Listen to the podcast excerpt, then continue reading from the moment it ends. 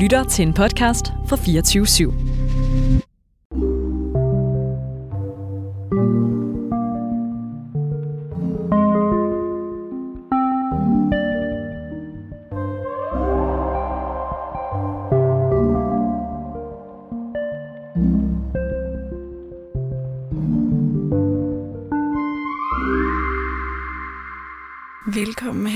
Indenfor i mit fordomsfri hjørne, som jeg kalder det her om søndagen, når jeg overtager de næste tre timer her på kanalen.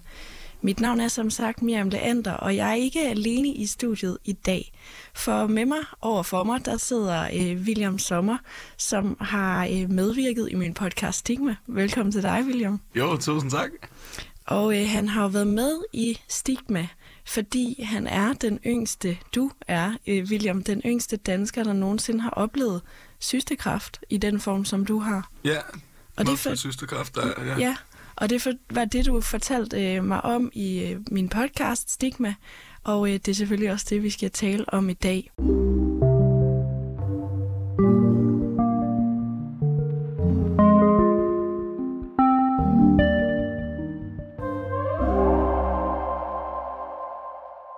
William, er du klar til at svare på nogle af lytternes spørgsmål? Yes, du kører bare.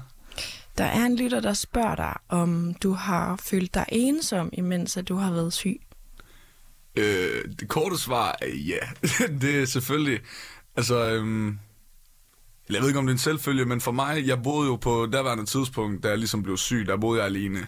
Øh, så øh, altså både fysisk følte jeg mig jo selvfølgelig ensom i og med, at jeg ikke øh, boede med nogen. Jeg var lige gået fra en kæreste øh, lige kort tid inden. Øh, så jeg følte mig da meget alene, øh, og boede lidt hjemme med mine forældre også øh, igennem alt det der, for ligesom at... Øh, Ja, ligesom at have nogle mennesker at spejle sig i, fordi man bliver langsomt sindssyg af, når man går med sådan nogle rimelig store og seriøse overvejelser omkring livet og døden, og hvad fanden skal jeg, så, øh, så er det bare usundt at sidde og, øh, og rumstere med det alene. Øh, og så følte jeg mig jo også ensom på en eller anden måde, i og med, at det var jo en atypisk situation at være i. Så selv når jeg mødte og var sammen med mennesker, så var det jo svært at snakke med nogen, der kunne spejle sig i min situation. Det er jo tit noget med, når min mormor øh, har haft det, eller er død af det, eller min onkels øh, fucking skolelærer, altså du ved et eller andet, ikke? Det er jo altid sådan et led ude, øh, selv når det er tæt på, så er det sjældent selv personerne, jeg snakker med. I og med, at ja, 20, 21, 23, ikke? Altså det er ikke, øh, det er ikke normalt at blive syg på den måde, på det tidspunkt. Øh, Kom du til at tale med nogen, der havde fejlet det samme som dig? Jeg var nede, øh, de havde sådan noget kraftens bekæmpelse, sådan noget terapigruppe-agtigt et eller andet øh, for unge. Det hedder Ung Cancer Aarhus, eller Ung Kraft Aarhus. Øh, og det øh, var jeg faktisk ikke ret god til at bruge, og jeg kan følge med ind på siden, men det er også, fordi jeg får det selv rigtig dårligt, når jeg hører om nogen, der bliver dødeligt syge med det, og lige pludselig så får de den der besked, jamen vi kan ikke rette op på det igen. Øh, fordi det gør, at så sidder jeg og tænker, Nå, men du har nok også fået at vide på et tidspunkt, nu ser det godt ud. Og så, øh, så får man den ligesom vendt på den måde, og så kommer jeg jo til at sidde med den der, åh, åh jeg synes også lige, jeg kan mærke et eller andet igen, ikke? Altså, det er jo... Øh, så øh, på Så den når måde, du så, hørte andre fortællinger, der ikke var så håbefulde, så kunne det godt tage lidt af dit håb fra dig. Helt sikkert. Altså det er, øh, hvad fanden er den her? Der er sådan en skuespiller, Esben Bjerre eller Dalsgaard eller et eller andet, jeg kan sgu ikke lige huske det. Øh, men han er jo øh, syg med det uhelbredeligt. Og der blev jeg inviteret til sådan en foredrag med ham, hvor jeg tænkte, mm, det lyder spændende. Jeg skal ikke med. Altså fordi så kan jeg sidde der, og så kan jeg bare sidde og tænke, okay, det er bare mig om en uge, eller et eller andet. Fordi det, det er sådan nogle tanker, det starter i hvert fald i mit hoved.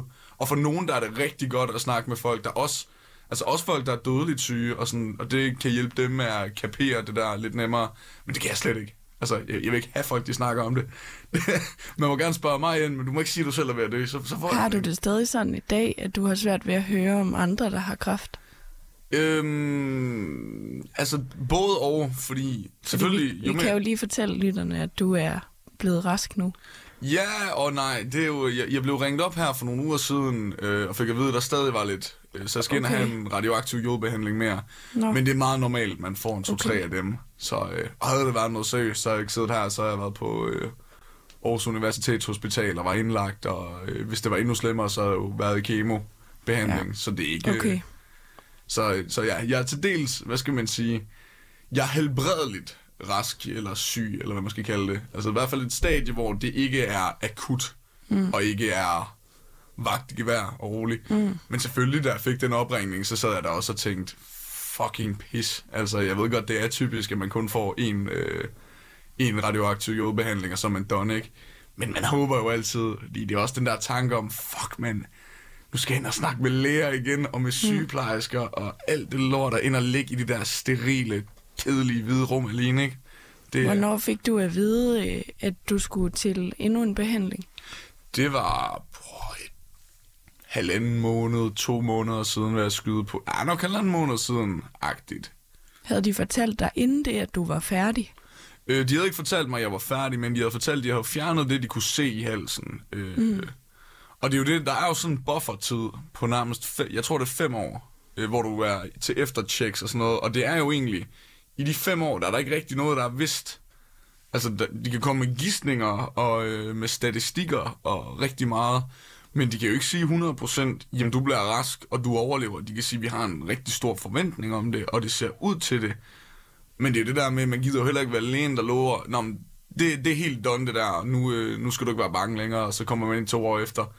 Og det er noget rigtig lort nu. Øh, så det er jo... Øh, og det er selvfølgelig også noget, jeg går og tænker lidt over en gang imellem, og det kommer jo til at fylde noget. Altså nogle dage, der tænker jeg slet ikke over det. Så kan det være, at det lige når at vende en gang op i mit hoved, sådan lige som sådan en flyvsk tanke, og så er det ligesom ude af systemet. Og andre gange, der kan jeg sidde og blive vildt ked af det, og bare tænke, fuck mand, øh, var det nederen det her, ikke? Men, øh, men når, øh, når den der ensomhed, som lytteren også spørger til, den tager over, hvem rækker du så ud til, hvis øh, det ikke lige er vejen for dig at høre om, om andre, der har, øh, der har kraft også? Øh, jeg plejer egentlig bare at række ud til min nærmeste, som jeg lige er i direkte kontakt med. Altså det vil sige, nu går jeg jo på højskole, så det er jo primært øh, ja, kammerater, eller øh, den pige, jeg ses med, eller øh, altså du ved, folk, der lige mm. er sådan, så man kan være i fysisk rum med dem. Og, øh, og hvis det bliver helt galt, så, øh, så laver det typiske mandetricks og ringer til mor, ikke? Det, mm. øh, og det er jo også, det, det, der ved hun ligesom, hvad det er, hun skal sige tit og ofte, for jeg også sådan får lidt ro på. Men det er, øh, det er sjældnere og sjældnere, det sker, at jeg får det sådan decideret skidt over det. Øh, fordi jeg har jo vendet mig til det mere eller mindre, og øh, accepteret, at det er sådan, det ser ud. Og det er, er noget, jeg overlever, og noget, jeg ligesom, ja. Er din ensomhed blevet mindre i løbet af forløbet? Den er blevet helt vildt meget mindre, at jeg er kommet op på en højskole. Det var også i kraft af, at jeg sad alene hjemme i den lejlighed, og følte, at jeg var i den her ekstraordinært nederen situation alene.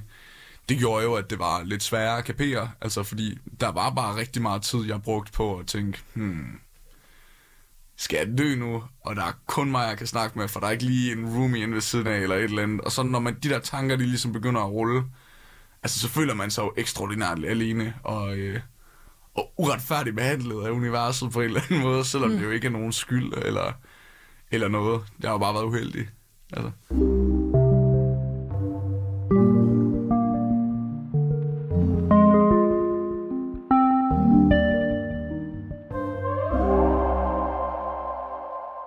Og den læner sig måske lidt, det her spørgsmål læner sig måske lidt op af det spørgsmål, du fik før om, du havde følt dig ensom, imens du var syg. Men her er der en lytter, der spørger, hvordan havde du det psykisk? Og det, det kan også spørge, hvordan du har det. Fordi, som du siger, det er jo ikke helt overstået. Ja, altså, øh, lige umiddelbart efter, der blev jeg jo sådan mega deprimeret og angst. Altså sådan, og havde det der psykisk ja, pisse irriterende, altså dårligt decideret, fordi det er jo, det er vilde nyheder at få, øh, og det er mange, nogle vilde ting at forholde sig til. Øh, som jeg også nævnte, øh, dengang vi lavede podcasten, så mistede jeg jo min kæremormor til samme sygdom, øh, ikke mere end et par uger inden jeg selv blev diagnostiseret. Så det var da... Øh, så jeg havde jo den der direkte konnotation til, at cancer, det er bare lige med død. Og jeg så ligesom, hvordan det var, at den stille og roligt spiste hende op, altså, og tog altså alt du ved, varme og glæde, du ved, og sådan, ja, altså bare nedbrød hende. Øh, så jeg begyndte at fundere i, jamen, er det det, jeg går ud på nu? Er det, er det sådan halvandet år med sygdom, hvor jeg stille og roligt skal falde fra hinanden? Øh, jeg går i møde nu. Der var også en lytter, der spørger, øh, om du var bange for at dø. Helt vildt, altså, og er det der stadig?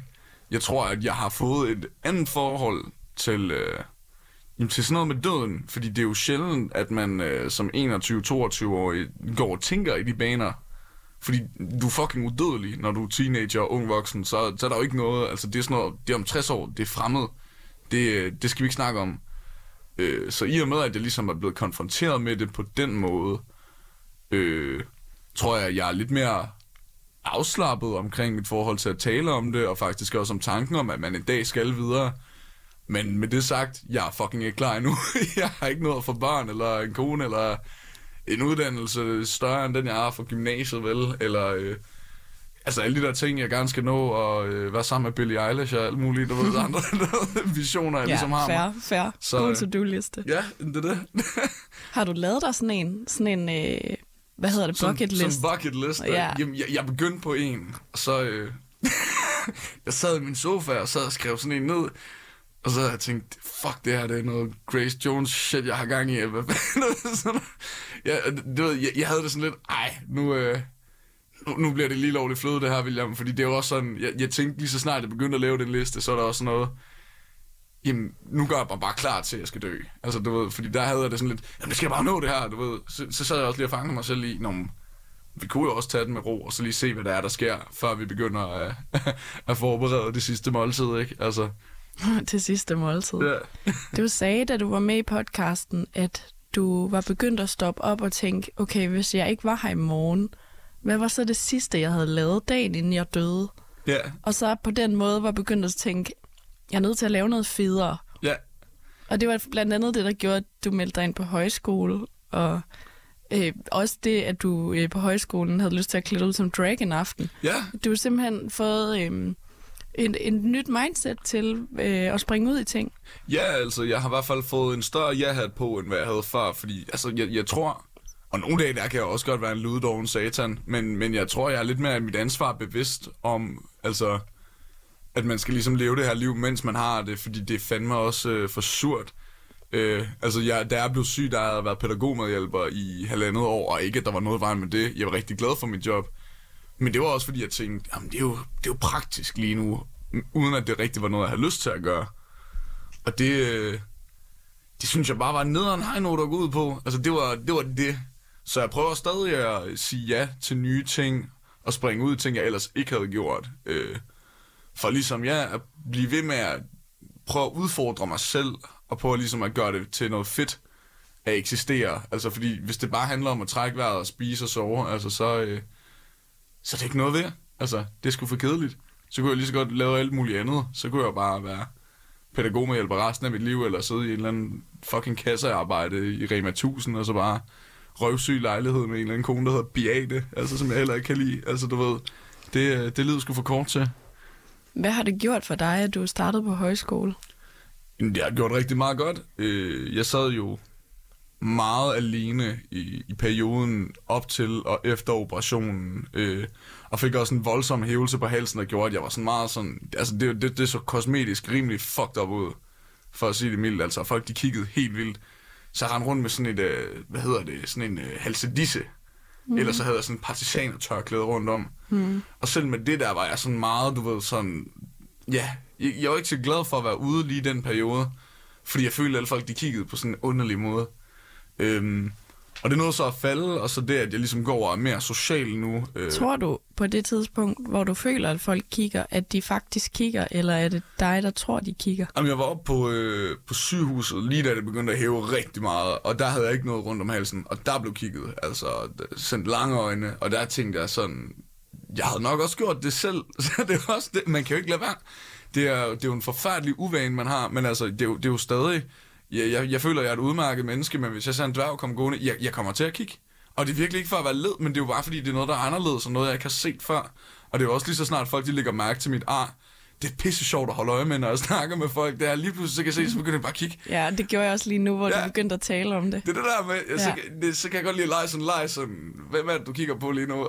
sådan, yes, det er mig herovre, fordi du står bare med øjnene 10 cm længere Men nede, du, og ville hvis vi lige skal prøve at beskrive det for lytterne, du har jo et ar hen over halsen Ja, i sådan halvmåne. ja, altså fra ja, under det ene øre, og så hele vejen ned om halsen, og så op mm. til det andet øre nærmest. Ja. Sådan en øh, sådan en godt u, øh, på en måde. Øh, Og det var du nødt til at øh, fortælle øh, ved en samling, morgensamling på højskolen, Ja, da du startede. Jamen, jeg har hørt, der gik nogle rygter og nogle... Øh... Og jeg kunne ikke regne ud, hvor meget hold der var i dem, men øh, der var i hvert fald nogen, der havde sagt, "Jamen, jeg tror, du har prøvet at hænge dig selv. og jeg tænkte, okay. det, var, det, var en, øh, det var en rimelig grov antagelse, altså, fordi det, det er da sådan meget, øh, meget specifikt. Og jeg tænkte, ah, okay, hvad vil jeg helst være? Ham duden, der har overlevet cancer, eller ham duden, der prøvede prøvet at hænge sig selv i et æbletræ? Altså, det er sådan lidt... Hmm. Og ikke, at der er noget galt i at komme ud af et selvmordsforsøg, der er bare pisse sejt, hvis man kan komme videre oven på den. Men det var bare ikke lige det, jeg gik og strugglede med. Så jeg tænkte, så kan jeg lige så godt bare være reel, og så lige så bare få det i talesæt. For det var også meget sådan noget med til fester. Og det gør folk jo også stadig. Altså, hvis jeg er inde i byen, og der er en eller anden dude, der sætter sig ved mig, så går der, altså hvis han har fået mere end 3-4 øl, 5-10 sekunder, før spørgsmålet, Æh, hvad fanden er der sket med dig, eller hvad er det der, du ved, bliver stilt alligevel. Altså til din hals? Er til ejet. Okay. Og så tænker jeg, nu kan Fordi jeg... nu tænker jeg ikke, det er så synligt, faktisk. Nej, Længere. det kommer lidt an på, øh, hvad for noget tøj, der er, jeg har på. Men, Ja. men det er det der, altså, det er sådan lidt, når du ser det, så ser du det. Altså, mm. og så, så er det Ja. svært at se andet, Ja. medmindre man lige sådan finder ud af, nå, men det er det der, det er. Nu fortæller du også, at din øh, hals var meget hævet, da du gik til lægen der. Var Ja. det meget smertefuldt? Der er en lytter, der spørger, om du har haft mange smerter. Øh, altså, umiddelbart lige efter operationen, der havde jeg der var vågnet for operationen, der havde pisseondt. Altså, selvfølgelig, fordi de har været inde og rave rigtig godt væk. Men, øh, altså, generelt smertemæssigt var det okay. Altså, det der væske, det, det var selvfølgelig det var mere ubehageligt, synes jeg, end smertefuldt. Og det synes jeg stadig, det er. Der er jo nogle morgener, øh, i hvert fald morgen, jeg står op, der er, er jeg sådan lidt... Øh, der spænder det sådan lidt i min hals, og så står jeg lige sådan og strækker det lidt ud, og det kan jeg godt mærke, det gør mere næsen, hvad det ellers ville have gjort. Øh, men så popper jeg en penodil, og så kommer jeg videre. Altså, det, øh, det er ikke noget øh, sådan super slemt, faktisk. Det, øh, det har været til at overleve.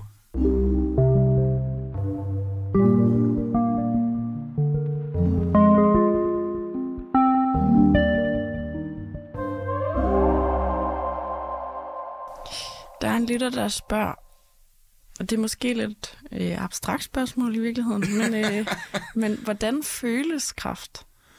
Øh, det er jeg blevet spurgt om rigtig mange gange, og det mest nøjeren, det er, det er fucking svært at forklare. Altså, jeg øh, begyndte at kunne mærke nogle ting, som at jeg begyndte at blive svimmel nogle gange, når jeg gik. Hvilket var mærkeligt. Altså, og det var noget... Jeg, øh, jeg boede 20 minutters gågang, sådan ungefær, øh, fra min arbejdsplads, øh, den daginstitution, jeg arbejdede i på det værende tidspunkt. Og hvis solen den var for skarp, eller hvis jeg gik for hurtigt, så synes jeg, jeg begyndte at blive sådan meget svimmel. På sådan en måde, hvor jeg tænkte, hmm, det var sgu da underligt. Har jeg ikke øh, drukket nok vand, eller er det fordi, jeg ikke har spist morgenmad i dag? Du ved, sådan nogle, man prøver ligesom at rationalisere det med sådan nogle helt normale ting, fordi det er jo også sådan ret, du ved, ekstremt betinget. Når jeg er lidt svimmel, nå, det er nok cancer. Øhm, men jeg har andre øh, folk, jeg har kendt og mødt, der har haft cancer, der har oplevet, at de var helt vildt trætte hele tiden. Øh, men det var ikke en oplevelse, jeg havde i hvert fald ikke øh, i det omfang. Det kan godt være, at jeg har været lidt trættere, end hvad jeg var før, men ikke noget, jeg lagde mærke til øh, som sådan. Altså, og så, øh, altså, jeg kunne føle det fysisk, selvfølgelig, øh, ved at der var sådan nogle små, øh, hvad hedder det, knuder, øh, Mm. der var begyndt at komme, altså sådan nogle nærmest sådan små cirkler, øh, Og det var det, du kunne mærke i halsen. Ja. Mm. Jeg havde den der store syste, men den havde været der i så lang tid, og den var så stor, at jeg tænkte, Nå, men det er nok bare sådan, jeg går rundt og ser ud. Øh, men den kunne jeg godt mærke, den, den spændede rigtig meget. Øh, på det tidspunkt, der røg jeg øh, stort set hver dag.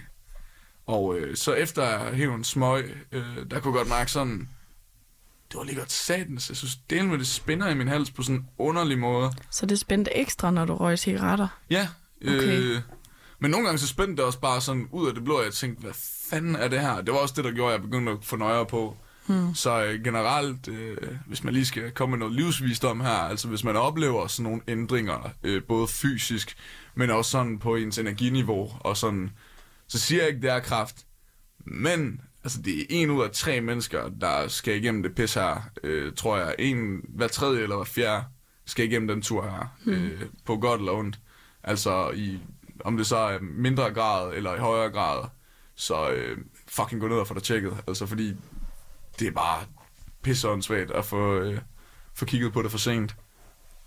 Ja, det er jo et godt råd at, at give ud. Yeah. Øh, hvordan føltes det sådan i følelserne? Øhm, altså, jeg fik da sådan... Ja, jeg blev selvfølgelig meget ked af det. Altså, og totalt... Selvom jeg et eller andet sted havde gjort mig klar på det mentalt, fordi jeg kunne godt mærke, at der var noget galt. Altså, det var bare sådan en mavefornemmelse, jeg havde. Øh, så jeg blev ked af det, og frustreret, og så blev jeg pis bange. Altså, øh, og det gjorde da også, at jeg også nogle gange gik og tænkte, fuck mig, hvor er det bare pisse uretfærdigt, og alting er bare lige kæmpe meget øve, og, øh, og det skal jeg bare ikke bede om, men altså, på den anden side, man kan ikke gøre så meget øh, andet end bare at være omstillingsparat, og så øh, følge med, hvad der ligesom sker. Så øh, på den ene side har det givet mig rigtig meget negativt, men på den anden side har det også givet mig nogle, nogle fine ting, altså som jeg ligesom kan tage med videre med blandt andet altså at bevare noget ro i situationer. Jeg ellers ville gå i panik, og jeg er sådan en type, der går helt vildt nemt i panik. Altså, hvis du ser mig i en lufthavn, jeg er en stor stresskugle. Jeg kan slet ikke magte det. Altså, øh, og det er blevet meget bedre til nu, fordi jeg er sådan lidt, nå jamen, hvor herregud, jeg skal i hvert fald ikke dø. Øh, så øh, ja. Er det sådan et perspektiv, et ekstra perspektiv, der er blevet sat på tingene? Ja, det er ikke noget, jeg gør bevidst. Det er bare noget, jeg har lagt mærke til, øh, og det er det jo helt sikkert, altså nok det der med, jamen, for fuck's sakes, altså hvis jeg kan klare det der, og hvis det ligesom, altså det er jo det absolut mest nederen, jeg har prøvet i mit liv, og det er jo den dårligste nyhed, jeg nogensinde har fået. Så har jeg mistet fly til Alanya, det er da selvfølgelig, det vil da være røvkedeligt, men altså, op på hesten igen, og så finder jeg lige på en ny løsning, i stedet for bare at gå i opløsning. Der er en, der spørger, hvordan tænker du tilbage på din sygdom nu? Og, og sådan på forløbet? Jamen altså, det var jo en, en fucking kedelig periode. Altså, specielt hospitalsindlægningerne var rigtig hårde øh, for mig, øh, fordi man, man får virkelig sat på spidsen, hvor syg man egentlig er, når man sidder blandt altså virkelig, virkelig syge og virkelig gamle mennesker. Altså, jeg var den absolut yngste deroppe. Altså, der er det der, når du står og får serveret sådan den der helt vildt kave morgenmad, som de har, altså, det, det, er virkelig, det er virkelig noget hundede, du får der. Det er virkelig, det er mærkeligt, at man ikke giver færre penge til det. Altså, jeg tænkte, jeg, jeg lå der og tænkte, jeg har allerede kraft. kan I ikke give mig en gang fucking cornflakes, eller et eller andet, du ved, som bare minimum? Hvorfor skal der være sådan noget mærkeligt crap, vi serverer? Men, øh, og så stod der ved siden af sådan en rigtig gammel og rigtig syg gut, det fik jo også bare mig til at reflektere over, det er jo alvorligt, det her. Altså, jeg er jo ikke herinde på badeferie. Det er ikke, øh, fordi der løber unge mennesker op og ned ad gangen. Åh, jeg er helbredt, jeg er helbredt. Du ved, det, det er mere sådan noget, folk de kommer gående, ligner lort, øh, er dårligt i stand til at tage et bad, og altså, og ligner nogen, der er død nær, og det får også mig til at tænke, i hvert fald på det tidspunkt, Nå, men det er sgu nok også. Øh, så jeg ser ikke tilbage på det som noget specielt positivt. Øh, og det blev meget mudret, og altså sådan sammenkludret hele den periode, fordi jeg gik jo ikke på arbejde. Og jeg, altså, jeg bliver fucking syg i hovedet, hvis jeg ikke laver noget, og det er uagtet, om jeg er syg eller ej. Jeg, jeg skal lave noget. Det der med bare at sidde derhjemme og glo fjernsyn og klø sig selv i røven, altså, de, de, jeg får dårlige nerver af det. Jeg har også meget ADHD-agtige tendenser, så det, det kan godt have noget med det at gøre. Der skal ligesom ske noget. Øh, så det der med at ligge og være totalt inaktiv i flere måneder, det er bare, det var ikke godt. Er det noget, du sådan lukker ned for, det kapitel, og tænker over? Jeg går i hvert fald ikke, man kan sige, de ting, øh, eller de perioder, hvor det ligesom skete noget, altså når jeg blev indlagt og øh, var oppe ved lægen og sådan noget, dem husker jeg lidt mere tydeligt, men, men de der dage, hvor jeg bare lå altså hele uger og lavede ingenting på en sofa og bare var ked af det, altså det er jo ikke så meget at kalde tilbage på, fordi det, det hele det kunne ligesom opsummeres på altså et minut. Altså alt det, den stille gang, der ligesom var. Øh, men, men jeg var også meget oppe i hovedet på mig selv øh, på daværende tidspunkt, og var jo monster ked af det, så jo, jeg tror, at nogle gange, så, øh, så reflekterer jeg i hvert fald mindre over det, og, øh, og prøver måske også lidt et eller andet sted at glemme, hvor svært det egentlig var, også når jeg snakker med mennesker, men det er fordi, jeg har også sådan en tendens til at, øh, til ligesom at gøre lidt let ud af tingene. Altså når folk de er sådan, åh, det der bare det vildeste, jeg nogensinde har hørt, agtigt. du har fucking overlevet kraft, du er 22 år gammel, er det ikke helt vildt at prøve? Nå, men du ved, det er sådan, ja, det var pænt nederen, men altså, jeg har i dag, whatever, ikke? Altså, og det er da klart en, en fucking underdrivelse fra min side. Men, Men når du underdriver, er det så for dem, der lytter skyld? Det tror jeg, men det, det tror jeg er sådan noget... Jeg ved ikke, om man kan kalde det jantelov, men jeg, jeg, jeg kan fandme ikke lide, at... Øh, og det er jo ikke klynk. at have reelle altså, tanker og være ked af det og sætte ord på det. Men jeg kan godt have svært ved, altså over for nye mennesker, over for folk, jeg måske ikke er så tæt med. Fordi det også er altså sindssygt sårbart for mig jo. Altså, og det er jo det, der kan gøre mig allermest ked af det i hele verden, det er jo at tænke på det. Øh, og hvad alternativet for, at jeg selvfølgelig fik den operation, og fik at vide, at jeg kunne klare det. Altså, det var, for det har været, at jeg har ligget i en eller anden fucking kiste, og så var det bare game over for mig, ikke? Altså, så det kan godt... Øh, hvis jeg møder specielt fulde mennesker, jeg kender, altså dem, dem gider jeg ikke at, øh, at give hele den lange smør for. Og nogle gange, der giver jeg også bare en løgn. Hvor er det der fra? Ja, men det var, det var min bror, der var lidt øh, for hurtig med en fiskesnør, da jeg var barn. Eller et eller andet, du ved. Fordi jeg var sådan lidt, jamen, jeg gider ikke at snakke med dig, din brændert. Altså, det... Men kan du også finde på at underdrive, når du taler med venner? Ja, desværre. Jeg er øh, med alderen blevet bedre til øh, at sætte ord på mine følelser og på de ting, der også gør ondt. Men øh, der er nogle gange, hvor jeg godt kan få sådan en, en skyldfølelse nærmest over at, at sprede dårlig stemning. Og det er jo totalt okay at have det weird over sådan nogle ting. Men det er bare det der med, når jeg står sådan lidt og kigger ud i luften, om folk de godt kan se på mig, hmm, der er et eller andet, du står og tænker over, der ikke er rart. Og det så spørger mig, så siger jeg bare, at ah, jeg er bare lidt træt, eller et eller andet, en gang imellem. Fordi jeg også tænker, jamen, jeg gider ikke lige, at det hele det skal være øh, den, den store grad øh, cirkel, og at, øh, og jeg skal være sådan lidt patienten, og I skal være mine sygeplejersker, og psykologer, og tillidspersoner.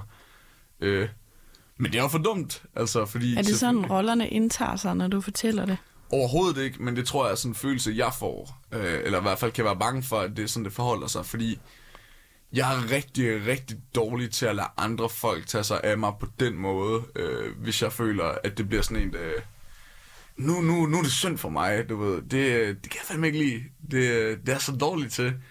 Det er, øh, det, det tror jeg, det er sådan en rigtig dum mandeting, ikke? Altså, jeg skulle lige til at spørge, fordi i podcasten, der sagde du, at, øh, at det der med at være sådan en hvid dreng for Aarhus, så Ja. har man fået at vide, at øh, det skal du, du skal, det, du skal bare tage dig sammen Ja, og gå ind og græde på værelset. ja. Øhm, er der noget i den der kultur og de der forventninger til, hvad en mand skal kunne og øh, overkomme, øh, som holder dig lidt nede på at dele Jamen, de her ting? Altså, jeg, jeg er meget imod alle former for kønsnormer. Jeg synes, det er noget fis, så de skal bare lægges i graven. Øh, jeg er sindssygt venstreorienteret og, og på den måde skide træls, men, men, øh, men jeg tror på en eller anden måde, altså, den kultur, jeg ligesom er vokset op med, øh, og altså også mine andre drengevenner, jeg kan jo se på dem, de har bare sværere ved ligesom at være følsom og sårbar. Og jeg, jeg tror specielt, det er den der sårbarhed, der er rigtig mange, der har svært ved at være i. Fordi det er fucking sårbart at sige til folk, jeg er motherfucking ked af det på sådan en måde, hvor jeg ikke... Ej, jeg undskyld, jeg sidder også og banner i radioen. Det må du gerne. Det må jeg gerne. Det må man gerne i mit Det program. må man gerne i dit program. Fuck, fedt. men, øh, men ja, altså, jeg, jeg tror bare, at rigtig mange mænd har svært ved at lade sig selv være sårbare, fordi det er... Øh, det er lidt det der brud på sin, du ved, altså selvom jeg føler mig selv som en meget unormativ mand, altså jeg, jeg går med neglelak for det meste, og jeg, jeg har desværre ikke lige på i dag, jeg har lige fjernet den, fordi den var begyndt at blive klumpet og ulækker efter lidt for lang tid, og går med makeup og sådan noget. Men, men jeg kan stadig samtidig godt have det der behov for, at du ved, lige at puste mig lidt ekstra op, og lige være sådan lidt, du ved, macho dum, altså fra tid til anden, selvom det er noget forbandet fis, ikke? Er det også derfor, at du øh, er bange for, som du siger, at ødelægge den gode stemning? Og nu har jeg lyst til at lave citationstegn, det kan man ikke se i radioen. Ja, Men øh, at ødelægge den gode stemning.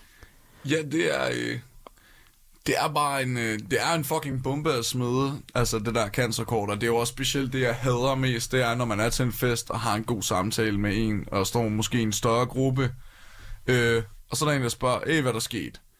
Og jeg er meget transparent med det for det meste, altså specielt også hvis jeg er omgivet af folk, jeg kender, øh, eller der er en af mine venner i det fællesskab der, så er det jo mærkeligt, at jeg lige pludselig står og fortæller om, om det var fordi noget, der overhovedet ikke er sket.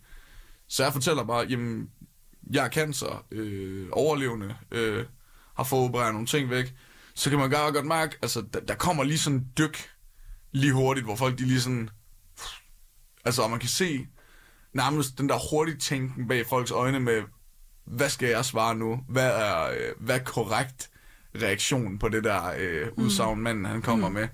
Fordi det er for rigtig mange helt vildt svært at håndtere, øh, kan jeg mærke, når jeg snakker om det, fordi de sidder sådan lidt, fuck man, hvad, hvad skal jeg sige, hvad må jeg sige? Ej, har jeg bare gjort ham ked af det nu, hvad jeg spørger? Og det, det er også tit det første, øh, folk de siger, når jeg så forklarer, hvad det er, det er sådan, nej, und, undskyld, jeg nævnte det, og sådan, det skal du ikke være ked af.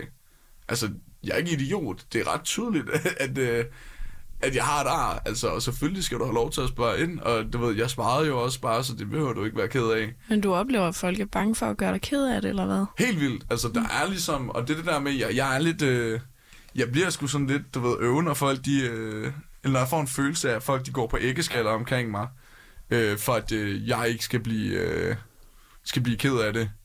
Eller, øh, fordi, altså, det er jo, det vil jo være, øh, ja, hvad skal man sige, det, det, det er en underlig måde at blive snakket til, synes jeg. Altså, øh, det der med, jeg kan mærke, at det bliver taget ekstra hensyn til mig, som jeg ikke føler er nødvendigt, og som jeg heller ikke nødvendigvis har lyst til, at der bliver taget. Mm.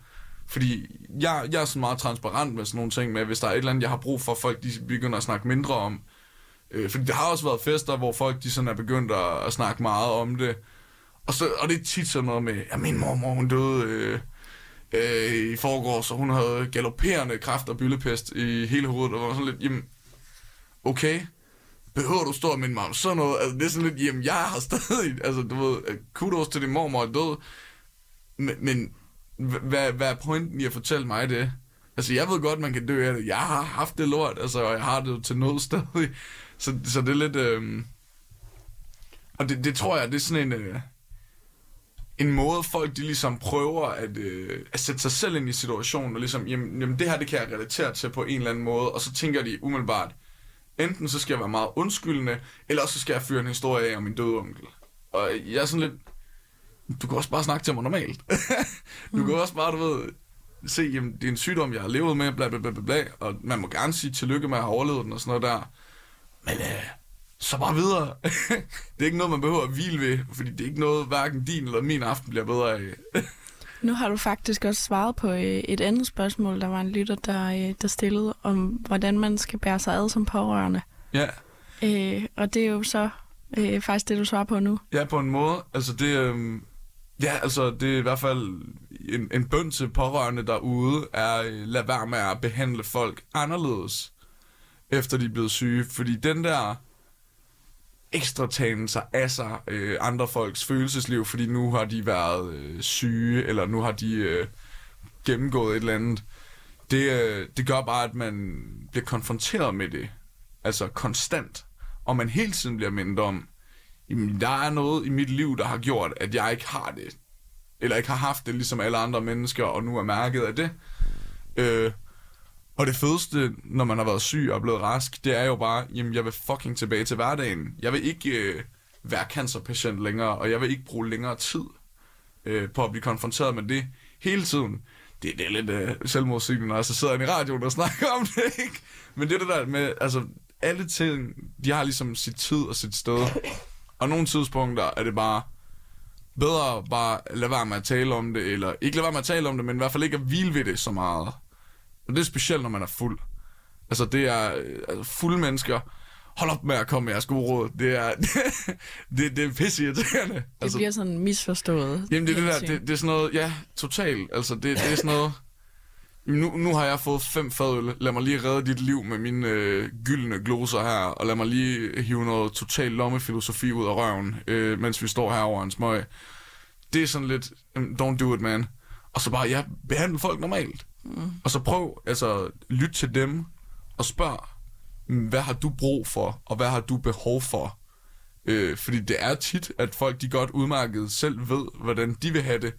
Der er nogle mennesker, jeg oplever i sådan nogle her situationer, har virkelig meget brug for, for anerkendelse af, at de har gået igennem det og går igennem det, og har brug for at blive både set og hørt på den måde, hvor øh, jeg bedre bare kan lide sådan, at øh, selvfølgelig I svarer, og jeg har det faktisk rigtig fint med, når folk de spørger ind til det, men, øh, men vil hellere snakkes til som et normalt menneske, end, øh, end som sygt menneske. Altså når folk de, øh, de går fra, hey homie, hvad hedder du, hvad så? Og så får de at vide, hvad der er sket. Nå okay, Ja, det er da godt nok vildt. Altså, du ved, hvor man bare kan høre, nu, nu er det sådan tonen, hele tonelejet og alt det det der med, ja, ja der, der går jeg for at være en eller anden dude til en eller anden stakkel. Altså, hvor sådan lidt, jamen lad nu være.